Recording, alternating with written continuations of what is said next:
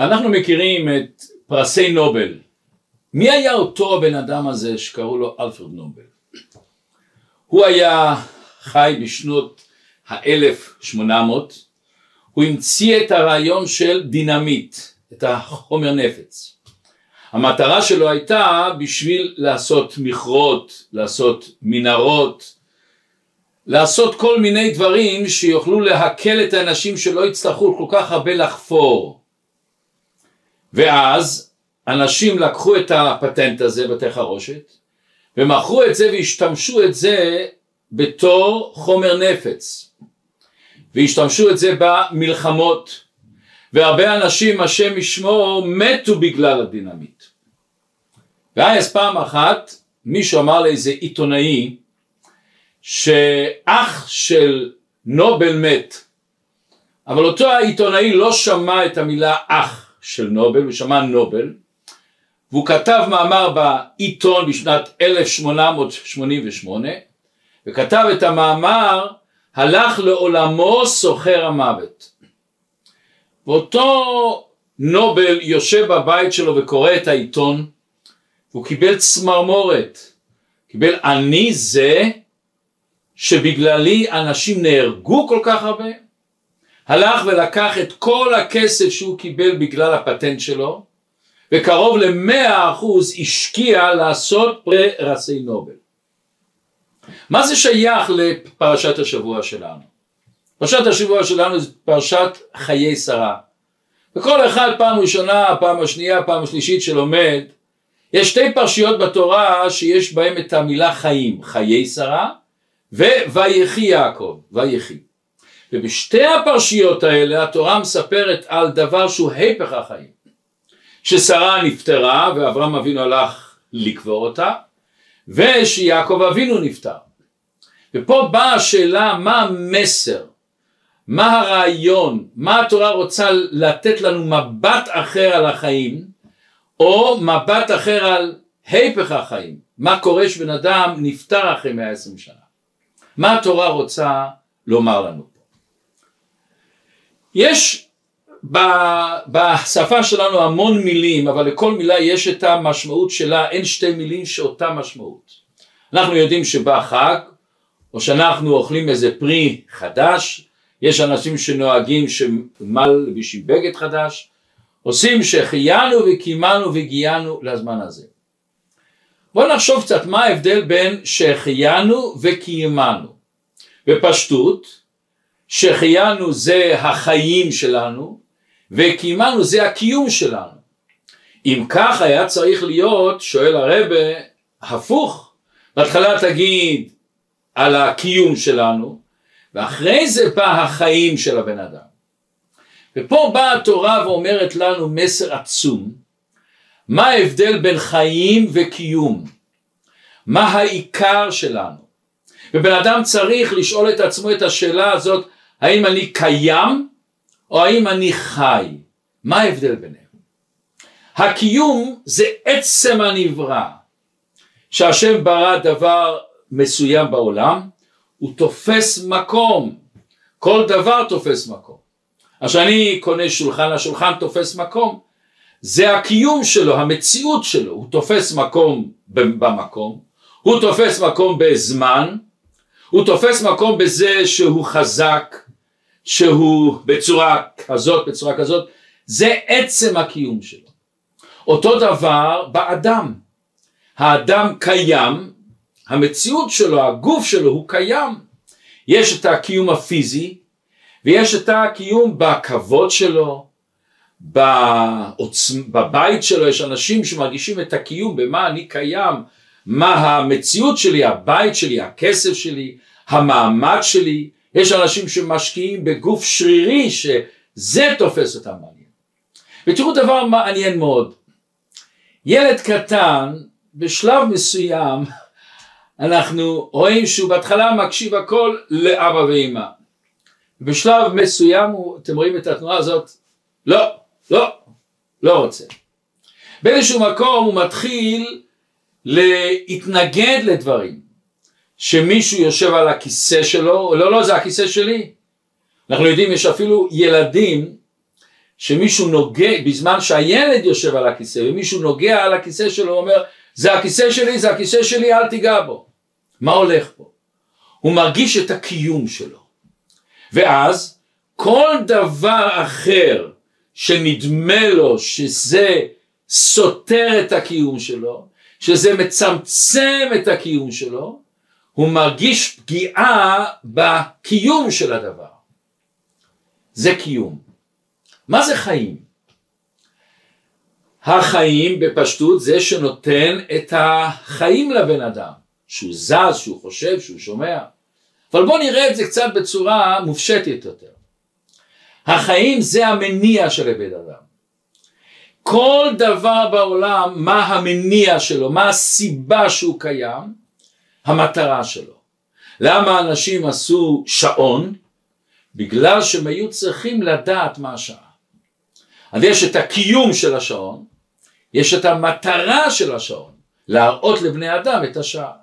מה קורה אם השעון לא הולך, או מה קורה שמחליפים את השעון, שמחליפים סליחה, את, את הזמן, פתאום השעון הזה אין לו שימוש, אני נוסע למקום אחר שהשעון, הזמנים האחרים, אני צריך להחליף את השעון. מה המניע, מה החיים של המכונית? כל התכלית של המכונית שאני נוסע ממקום למקום לחסוך לי זמן. אבל ברגע שהמכונית לא נוסעת, יש את הקיום של המכונית, אבל את החיים של המכונית, את המטרה של המכונית אין לנו, וזה בכל דבר במכונת כביסה, במכונת טיפוש בכל דבר. אותו דבר באדם, יש את הקיום של הבן אדם, הקיום שאתה קיים, מה החיים שלך, מה, מה המניע שאתה בעולם הזה, מה המניע שאתה נברא בעולם הזה, זה התכלית שלך, המטרה שלך, מה שאתה מייצר בעולם. כמה אור ושמחה וחסד וקדושה אתה משפיע בעולם. זה, מור... זה בעצם המניע של הקיום שלך. אנחנו רואים את הבעיות הגדולות שיש לנו עם ילדים בגיל ההתבגרות. הם מתמרדים, הם כועסים על האבא, כועסים על האמא, בלי שאבא ואמא אפילו עושים להם משהו. אומרים הפסיכולוגים דבר מעניין מאוד, פתאום הוא מגלה את הקיום שלו יותר ויותר. ואז באיזשהו מקום שיש לו בבית אבא ואימא, שהוא מרגיש כלפיהם איזו התחייבות. הוא מרגיש כלפיהם במרכאות איזה שעבוד, זה מצמצם את הקיום שלו, ואז הוא כועס, ואז הוא יכול להסתכסך עם ההורים. יהיה ילדים שנקראים אצלנו בשפה של סנדוויץ'. למה סנדוויץ'? הוא מרגיש שהקיום שלו, אין לו קיום. לא מתחשבים בו כמו שצריך, הוא רוצה לדפוק על השולחן ולהגיד אני רוצה לעשות מה שאני רוצה, ובעצם זה שההורים נמצאים בבית שהם לא אומרים לו אפילו כלום, הוא מתמרד. הוא מרגיש בבית שזה לא, שאין לו את, ה, את הקיום בהתפשטות שהוא רוצה. לכן הרבה פעמים כשהילד מתמרד, ואז ההורים מתחילים להתווכח עם אותו הילד, אתה תעשה ככה, למה? הם מרגישים שהקיום שלהם יורד. הם מצטמצמים. אז הם מתחילים להילחם על הקיום, וזה לא הולך. תמיד שיש לנו את הניגוד אינטרסים הזה בין הקיום של הילד והקיום של ההורים או הקיום של המורה אנחנו צריכים לשנות כיוון להחליף מגרש. אנחנו הולכים לעבוד על חיים. אנחנו הולכים לתת לילד משמעות בחיים. אני לא אומר לו מה לעשות אני נותן לו משמעות בחיים ערך בחיים מטרה בחיים אני רוצה להקנות לו דבר, אני לא הולך להילחם איתו. אותו דבר אנחנו הרבה מאוד מכירים אנשים שהשם ישמור נמצאים בדיכאון. מה השורש של הדיכאון? יש אנשים שהוא בריא ושלם, יש לו בית, יש לו משפחה, פתאום דיכאון, מה, מאיפה הנובע מדיכאון? עוד פעם, כשנתבונן, זה תמיד שפגעו בקיום שלך.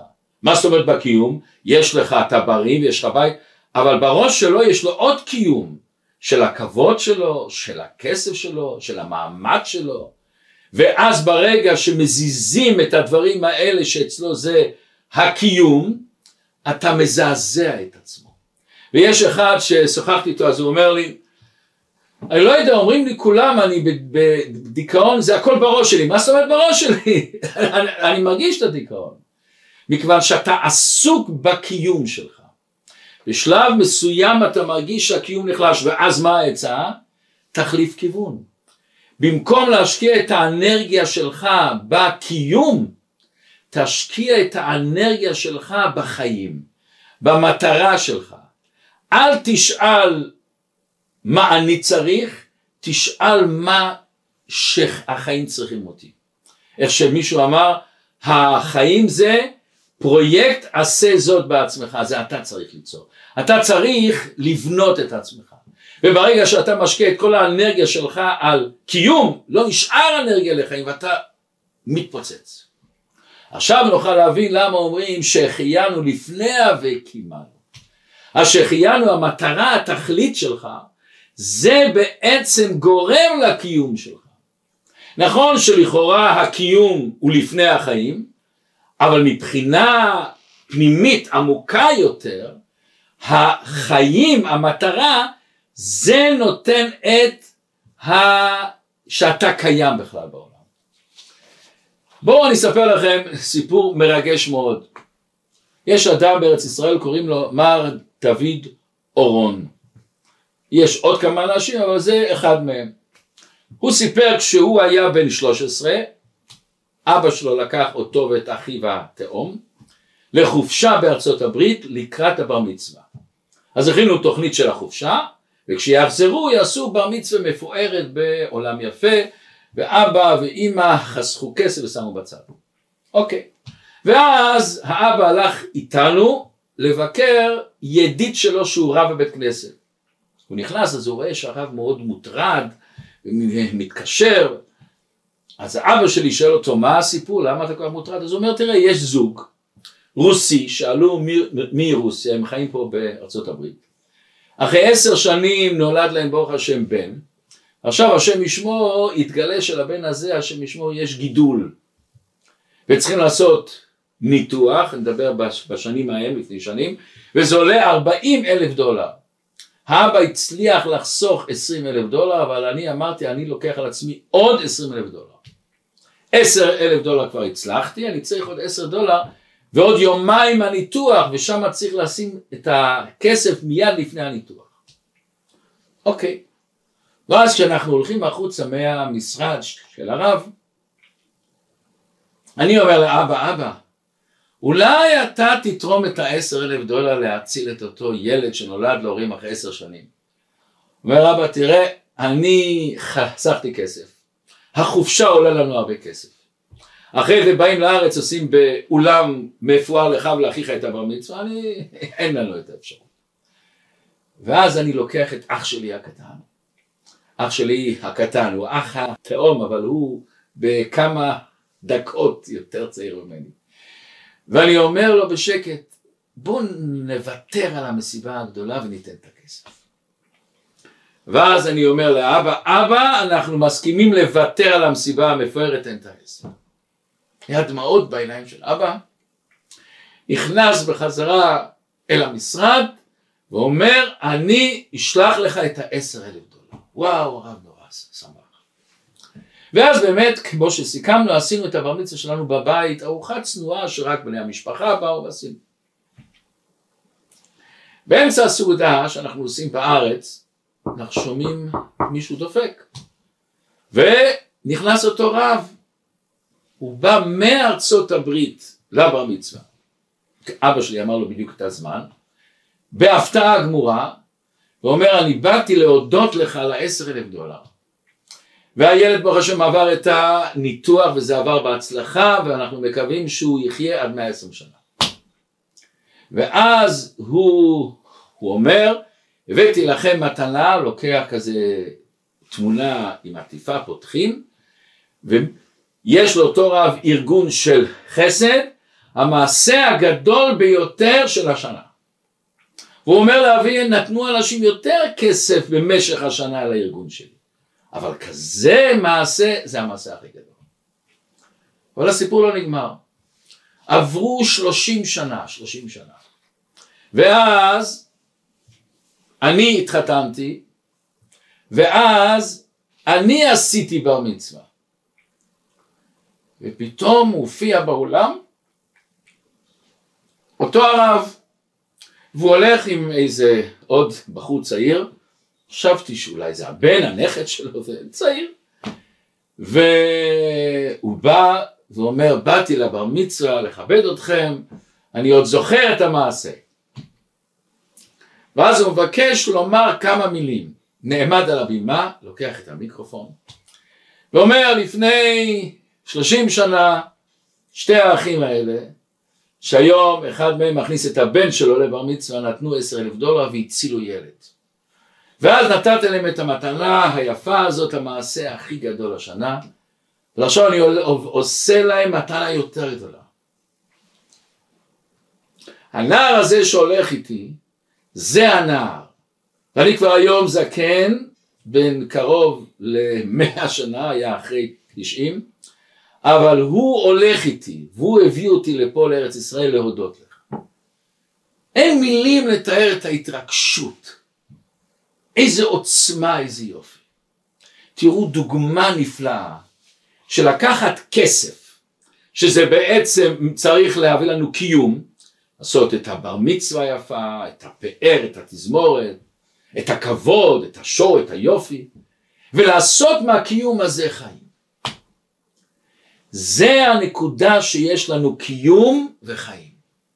אומרת, אומרת התורה בספר דברים, ראה נתתי לפניך היום את החיים ואת הטוב, את המוות ואת הרע. ובאותו באותו אזור יש עוד פסוק, העידותי בכם היום את השמיים ואת הארץ, החיים והמוות נתתי לפניך. הברכה והקללה ובחרת בחיים. מה זאת אומרת בחרת בחיים? יש מישהו שלא יבחור בחיים? ומשהו, אני בוחר בחיים? אני רוצה לחיות. אני לא בוחר, זה לא נותנים לי את שניהם. ומה ממשיך הפסוק ואומר למען תחיה אתה וזרעך. מה זה אתה וזרעך? זה הפסוק. קיום לבד זה מוות. קיום לבד שאתה חושב רק על האגו שלך, על ההתפשטות שלך, ואתה לא משאיר בעולם טביעת אצבעות של חום, של אהבה, של חסד, של קדושה, של מצוות, לעזור לאנשים, לעשות את העולם יותר מואר, יותר טוב. אתה קיים, אבל אין חיים. אתה קיים, אבל אין מציאות. השם נותן לך את הבחירה, נתתי לפניך את החיים ואת המוות ובחרת בחיים. בחיים, לא בקיום בחיים. לכן נוכל להבין נפלא למה פרשת השבוע נקראת חיי שרה. שאלנו בהתחלה הרי שרה נפטרה. פרשת ויחי יעקב נפטר. זה התורה רוצה להגיד לנו. שרה נפטרה. אבל מה השאירה בעולם? כמה אנשים מקבלים השראה נפלאה מאותו שרה? כמה אנשים נתנו לבנות שלהם את השם שרה? כל עם ישראל נולד מהתואר שלשלת של שרה. היא נתנה השראה, היא נתנה דמות, היא נתנה דמות לחקות אותה. דבר יותר נפלא. הרבה פעמים אתה מרגיש אם הבן אדם חי או, או קיים אחרי 120 שנה. אם ברגע שהוא נפטר הקיום שלו נגמר ושמים אותו באדמה ועושים מה הציבה היפה אבל הוא לא השאיר השראה לאנשים. הוא לא העמיד דורות הוא לא חינך אנשים. הוא לא שם מסביבו או אף אחד לא יכול לבוא ולומר הבגדים שלי זה הבגדים שלו השמחת חיים שלי האור בעיניים שלי זה מהאור בעיניים שלו. יש הרבה אנשים שיכולים להגיד מה הם אכלו, כמה אנשים יכולים להגיד כמה אנשים אוכלים את האוכל שלנו, איזה מוסדות תמכנו בהם או בכסף או בעזרה פיזית, זה נקרא לחיות. חיי שרה מתחיל אחרי 120 שנה, אז אתה רואה אם הוא, הוא היה חי או שהוא היה קיים. ומה לנו יותר שהגמרא אומרת את זה במשפט קצר. מה זרעו בחיים, אף הוא בחיים. אם אתה רואה את זרעו, שהוא לא קיים, הוא בחיים, תדע לך, גם האבא, הסבא, הוא בחיים. וזה התפילת תזכור שאנחנו מתפללים, שהשם ישמור שאף אחד לא יצטרך, אבל כשמתפללים, אני זוכר, אני לוקח את ההשראה. ותראו איזה, כמרא, הגמרא אומרת, צדיקים במיתתם נקראים חיים. מה זאת אומרת במיתתם? וכשהם היו חיים הם לא חיים. אפילו שהקיום שלו נגמר, ההשראה שלו. ולהיפך, רשעים, שכל המסתובב, מה שמסתובב סביבם, כל האנרגיה שלהם, זה רק הקיום, זה רק האגו, זה רק לפעמים לדרוס את השני, רשעים בחייהם נקראים מתים, כאן שזה קיום. והרבה פעמים הקיום והחיים סותרים אחד את השני. הרבה פעמים כשאני נמצא בחדר לבד אני מרגיש קיום, ושיש עוד מישהו אני לא מרגיש את הקיום שלי התקטן, אבל החיים הפוך כשיש לי מישהו. יש אנשים אולי שאני לא אוהב אותם, אבל, אבל איך אומרים אני לא יכול אם הם לא על ידי. זה הקיום, וכאן באה הנקודה של חתונה. כשבן אדם מתחתן, הוא מודע לזה שהקיום שלו נהיה יותר קטן. מה זאת אומרת? הוא צריך לחיות עם השני, להתחלק עם השני, להרגיש את השני, להבין את השני, לסלוח לשני, ולהתאים את עצמי לפעמים לשני. ולפעמים לשתוק כשאני רוצה לדבר, ולפעמים לדבר כשאני רוצה לשתוק. הוא צריך לוותר לפעמים. אז זה באיזשהו מקום עושה את הקיום שלו יותר קטן. אבל אם אתה רוצה חיים, אתה מתחתן. אם אתה רוצה להעניק אהבה, אתה רוצה לבנות משפחה, דורות, ילדים וילדות בשפע, לתת חיים, אתה צריך לוותר על הקיום. אתה לא יכול להיות, לחשוב על הקיום שלך ולקבל חיים. ומה קורה חס שלום שבן אדם הקיום שלו מדי עוצמתי והוא לא מסוגל להבין שצריך להתכופף, חס שלום יש בעיות בניסוי. יש לנו שאלה נצחית, לכל אחד יש את השאלה אחד פחות חזק, אחד עוד יותר חזק, אחד כמה, גם אלה שלא שואלים בעצם הוא מסיח דעת בכל מיני דברים שהשאלה לא צצה לו. ואיך שכתוב בספרים שזו שאלה שנמצאת בשורש של הבן אדם. למה אני כאן? מה המטרה שלי? מה העניין שלי? שאלה שאנשים שואלים אותם אלפי שנה. ופעם מישהו מאוד חכם בא, בא אליי ואמר לי, אתה יודע, השאלה הזאת כל כמה זמן מת, מתנוצצת לי כשאני הולך לישון, כשאני מתעורר, עולה, למה אני חי? ולפעמים אני לא מבין, אין לי תשובה על זה, ואני חוז ממשיך לשאול ולשאול. אין לך תשובה, תסכים שאין לך תשובה, יש הרבה דברים שאני יודע שאין תשובה, וזה צץ לי. עוד יותר אני שואל, מה זאת אומרת מה אני עושה כאן? מכיוון שאני כאן, אני כאן, אז אני כאן. לא. ומה השאלה למה אני כאן? מה, יש מקום אחר שאני צריך להיות? איפה אני צריך להיות? אנשים שואלים מכיוון שבמהות של בן אדם הוא נברא שיש לו קיום ויש לו חיים. יש לו כמו שדיברנו את הנפש הבהמית ואת הנפש האלוקית והנפש האלוקית תמיד מתנוצצת לו ומאירה לו ומדליקה אותו למה אני כאן? וכמה שהוא שואל וכמו השאלה המפורסמת של אדם הראשון של הקדוש ברוך הוא לאדם הראשון אייכה איפה אתה נמצא בעולם הזה זה הנקודה שהכי מתעוררים שלך אבל יש אנשים שסותמים את השאלה הזאת, באוכל, בספורט, בהובי, בלרוץ לכל מיני מקומות, הוא חושב שהוא סותם את השאלה, אבל השאלה הזאת היא תמיד תבוא. ברגע שאני מפחית את האגו ואני כלי להיפתח, פתאום אני יכול להתחיל להרגיש את החיים. איך כתוב בגמרא? גדולה לגימה שמקרבת את הרחוקים. אנחנו יודעים כבר, שוחחנו על זה בפרשיות הקודמות, שאם בן אדם אומר לחיים על ויין, על יין, על, על אלכוהול, קצת במידה קטנה, על פי ההלכה אסור סתם לאיש שתקר, זה בטוח שאסור, אבל קצת. אז יש השפעה שמשפיעה על הבן אדם, הוא נפתח יותר. איך כתוב? יין ישמח לבב אנוש. ותראו מה קורה כשבן אדם אומר קצת לחיים, פתאום הוא יכול לשבת על כיסא אחד, שתי אנשים, שלוש אנשים אפילו. פתאום הוא מסוגל לשמוע יותר ביקורת. פתאום הוא יכול הרבה יותר מהר לסלוח, לוותר לשני, אוקיי תיקח זה בשבילך, תיקח אני מסכים. יש הרבה סיפורים אנשים שהיו שונאים אחד לשני. כשאמרו לחיים פתאום נפתחו הלבבות, התחבקו והתנשקו והתחיל משהו אחר. מה קורה פה? ברגע שאתה אומר לחיים באיזשהו מקום אתה מטשטש את האגו שלך ואז אתה נפתח לחיים. לכן תראו דבר נפלא, למה אומרים לחיים? ואצל חסידים אומרים, כשאומרים לחיים, אומרים לחיים לחיים, למה לחיים לחיים?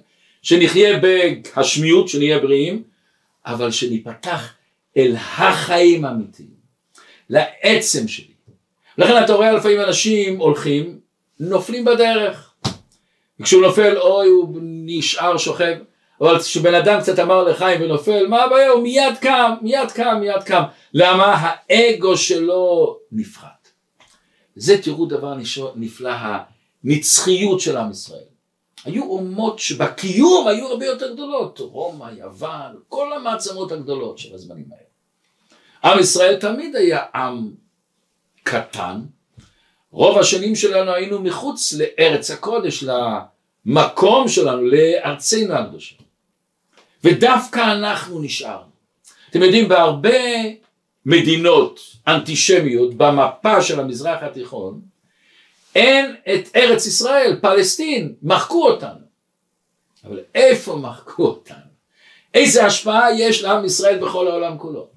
בן אדם שיפתח חדשות, CNN, כל החדשות, אין כמעט יום שלא מזכירים את ארץ ישראל. את סינגפור, את אינדונזיה מזכירים. באינדונזיה, אם, אם אני לא טועה, יש 300 מיליון אנשים, פי אני לא יודע כמה. ישראל מדינה קטנה, וכשעושים איזה בית בהתיישבות, מיד כל העולם עשו איזה בית קטן, עשו שם, מי יודע מה הם עשו שם. אולי מישהו מכם, אני אינני יודע, לא בדקתי, אבל אדרבה, אני אשמח לשמוע, אולי מישהו מכם מכיר כמה החלטות באו"ם היו השנה לארץ ישראל. בשנה, שנתיים, שלוש שנים, חמש שנים האחרונות. וכמה החלטות היו על סוריה, שבאופן אכזרי הרגו אנשים בצורה לא נורמלית. כמה פליטים היו בסוריה. מיליונים מיליונים אנשים, שאני לא יודע כמה, אדרבה, אם יש מישהו שידע, מיליונים אנשים שעזבו בכלל, עזבו את סוריה. מ- מיליונים אנשים שאת הבתים שלהם ברחו ועשו, חיו באוהלים, ואנחנו על המפה. יש מדינות כמו שאמרנו, אנחנו לא על המפה, אבל תראה איך עם ישראל, איזה, איזה השפעה הוא עושה. בכל התחומים, בתחום מדע, בתחום רפואה, האחוז של פרסי נובל שהזכרנו לפני זה, זה שליש מכל הפרסי נובל שיש בכל העולם. וכמה אנחנו? אנחנו שליש אחוז מכל העולם. ההיסטוריה שלנו, אנחנו ההיסטוריה, אנחנו העם היחידי שיכול להגיד בדיוק מי היה הסבא שלנו. אנחנו לומדים היום על שרה, וכל אחד ששם את השם של שרה יודע מאיפה זה בא. אנחנו העם היחידי שיודע מי הסבא שלנו, מי הסבתא שלנו, מה הם אכלו ומה הם עשו. וכל האנשים שמקשיבים עכשיו אל השוב בכל רחבי העולם, יש לנו אותו סבא וסבתא בעצם. אנחנו כולנו משפחה אחת. עם ישראל חי. למה השיר הזה כל כך מדליק אנשים רחוקים מאוד? הייתי בארצות הברית, הביאו סטודנטים רחוקים מיהדות. אה, היו כאלה שרק לאחרונה שמעו שהם יהודים. אבל רק כשהתחילו לשיר את עם ישראל חי, איזה אש הייתה. זה חי, וזה החיים שיש לנו. ובחרת בחיים. וזה בעצם העניין של צדקה. בצדקה זה מצווה עצומה עד כדי כך שאחד הסימנים בעם ישראל גומלי חסדים. והירושלמי אומר שהצדקה שקולה כנגד כל המצוות. מה יש פה בצדקה? לוקח כסף. מסביר אדמו"ר הזקן, בעל התניא, מייסד תורת חסידות וחב"ד, כסף זה דבר שבן אדם יכול לקנות בזה אוכל, לקנות בזה בית, לקנות את הקיום שלו. והבן אדם לוקח את הכסף הזה, שזה הקיום שלו, שהוא השקיע בזה עבודה ועמל בזה, ולא רק עמל של אצבעות ורגליים, המוח, אתם יודעים, המוח מטריד אותנו בעצם הפרנסה. ולוקח את הכסף הזה והופך את זה מקיום לחיים. ומה הקדוש ברוך הוא אומר? מעגל חוזר. צדקה תציל ממוות. אתה הפכת קיום לחיים, הקדוש ברוך הוא ייתן לך קיום. מעניין, היה לי אחד מהנכדים שלי, שהוא ראה כסף על השולחן, אז הוא אומר, או אמא, או סבתא, תראי צדקה על השולחן. כסף היה אצלו שם צדקה. למה? הוא ראה שנותנים כסף בקופת צדקה. אצלו לכסף לא היה משמעות אחרת רק של צדקה. אנחנו אולי מכירים את הסיפור הנפלא של הברדיצ'בר, שהיה לו הרי אהבת ישראל עצומה, לא נורמלית. וכל דבר הוא חיפש זכויות בעם ישראל.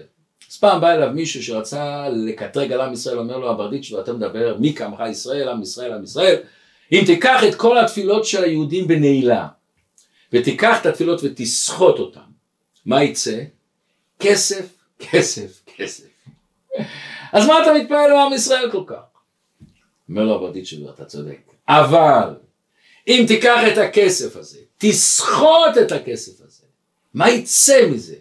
צדקה, חינוך ילדים, לימוד תורה, אוכלים כשר, עושים ארוחות שבת, הכסף הזה, הקיום הזה נהפך להיות לחיים. וזה אומרת הגמרא, מה יעשה, מה צריך לעשות אדם ויחיה, מסכת תמיד דף ל"ב. אמרו לי, אמרו לו, ימית עצמו. אתה רוצה לחיות, מה, מה זאת אומרת ימית את עצמו? מה מסבירים בספרים? כמה שאתה מוריד את. הקיום שלך, את האגו שלך, אתה חי יותר. ולכן הרבה פעמים אנחנו אומרים אדם יסודו מעפר וסופו לעפר. איך אנחנו אומרים בתפילה בראש השנה?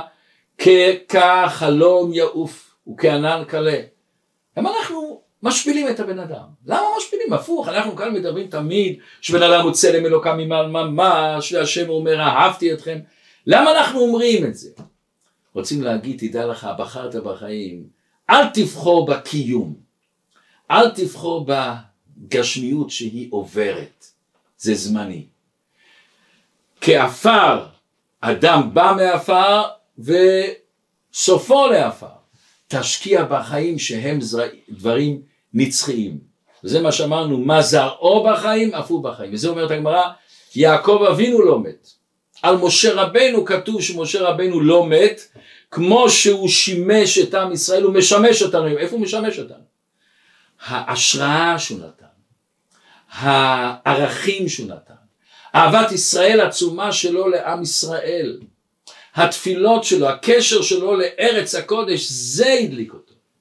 וזה בעצם גם העניין של שבת. כל השבוע אנחנו קשורים בעולם הגשמי ומשקיעים את ה... באה השבת זה כמו בן אדם, מישהו אמר לי אחד נפלא, הוא אמר, כמו שבן אדם שהוא צולל במים, כל כמה זמן הוא מרים את הראש מעל המים, מכניס אוויר נקי, חדש, וצולל. השבת היא מרימה אותנו, בכדי שגם שאנחנו נישאר במים, באותם העניינים שקשורים לעולם הזה, תמיד נישאר עם הערך של החיים.